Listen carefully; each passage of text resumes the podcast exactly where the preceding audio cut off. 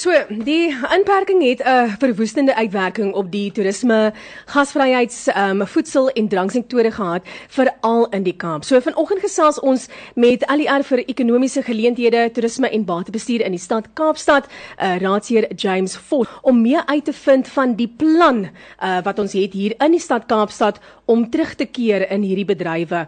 Uh goeiemôre Raadsheer Vos. Ek hoop dit gaan goed met jou vanoggend. Welkom by Ontbyt hier op Radio Tygerberg 104 FM. Goeiemôre Kia, baie dankie. Lekker om met jou te kan gesels. Lekker, lekker. So sê vir ons Raadsheer Vos, um jy het hierdie plan. Uh die plan se naam is die toerisme terugspring strategie. Uh dis dis die naam wat ek gekry het wat uh, dit genoem is. Nou vertel vir ons 'n bietjie meer hieroor. Wat bedoel dit nou eintlik?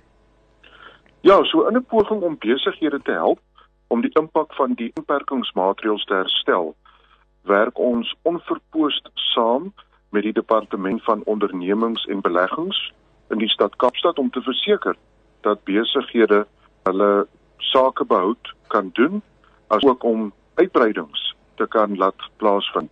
So ons volg 'n tweeledige benadering om sakebehoud en uitbreiding in Kaapstad te help verseker.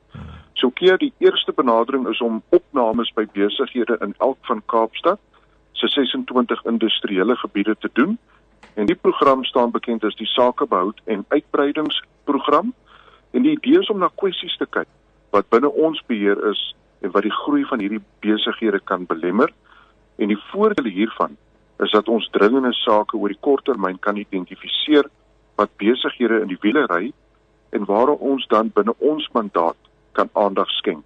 En die opname sal ons dan ook oor die langer termyn help om meer sistematiese kwessies te kan identifiseer wat aandag moet kry. En dan die opname behoort so teen die einde van September vanjaar afgehandel te wees, waarna die ontleding aan die begin van Oktober gedoen sal word. En ons verwag om dan teen die einde van Oktober aksieplanne hmm. geïdentifiseer en opgestel te kan hê. En keer die tweede benadering behels die identifisering van en daarna bystand aan besighede wat tans swaar kry en dit staan bekend as die program Sakesteun en so die doelwit van die program vir Sakesteun is om besighede wat swaar kry te help jy weet om uitdagings wat hulle in die gesig staar proaktief aan te pak ten einde moontlike likwidasie sluiting of werksvoorliese te voorkom en so die program teiken Kaapstad gebaseerde besighede wat swaar kry en sukkel om met munisipale diensrekeninge by te bly en dalk sake steun nodig het.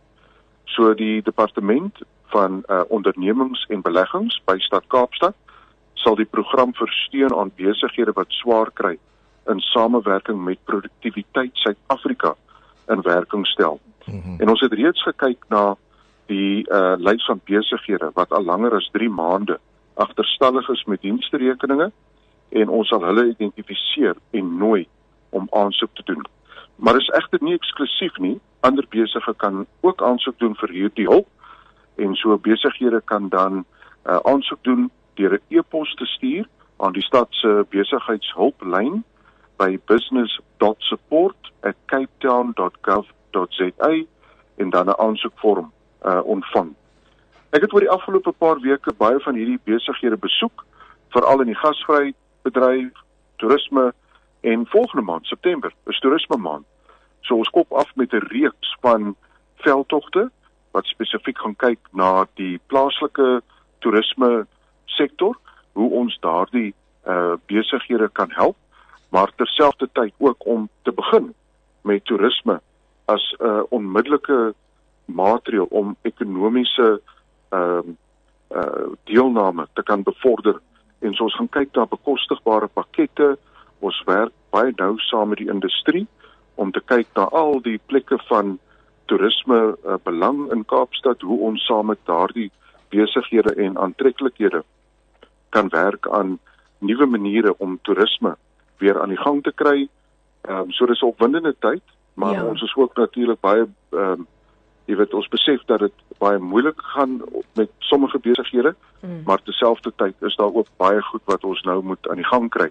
So ek is opgewonde want ons staan gereed om met hierdie besighede ehm um, en veral die private sektor hande te vat om met volhoubare en inklusiewe planne na vore te kom want toerisme gaan die eerste ekonomiese ehm um, hulp wees wat ons kan dan verleen. Verseker, Brasseer uh, Vos baie baie dankie. Dit klink vir my julle is regtig proaktief en dat julle werk regtig waar baie baie hard en ons waardeer dit. So baie dankie ook dat jy deel was van die program vandag.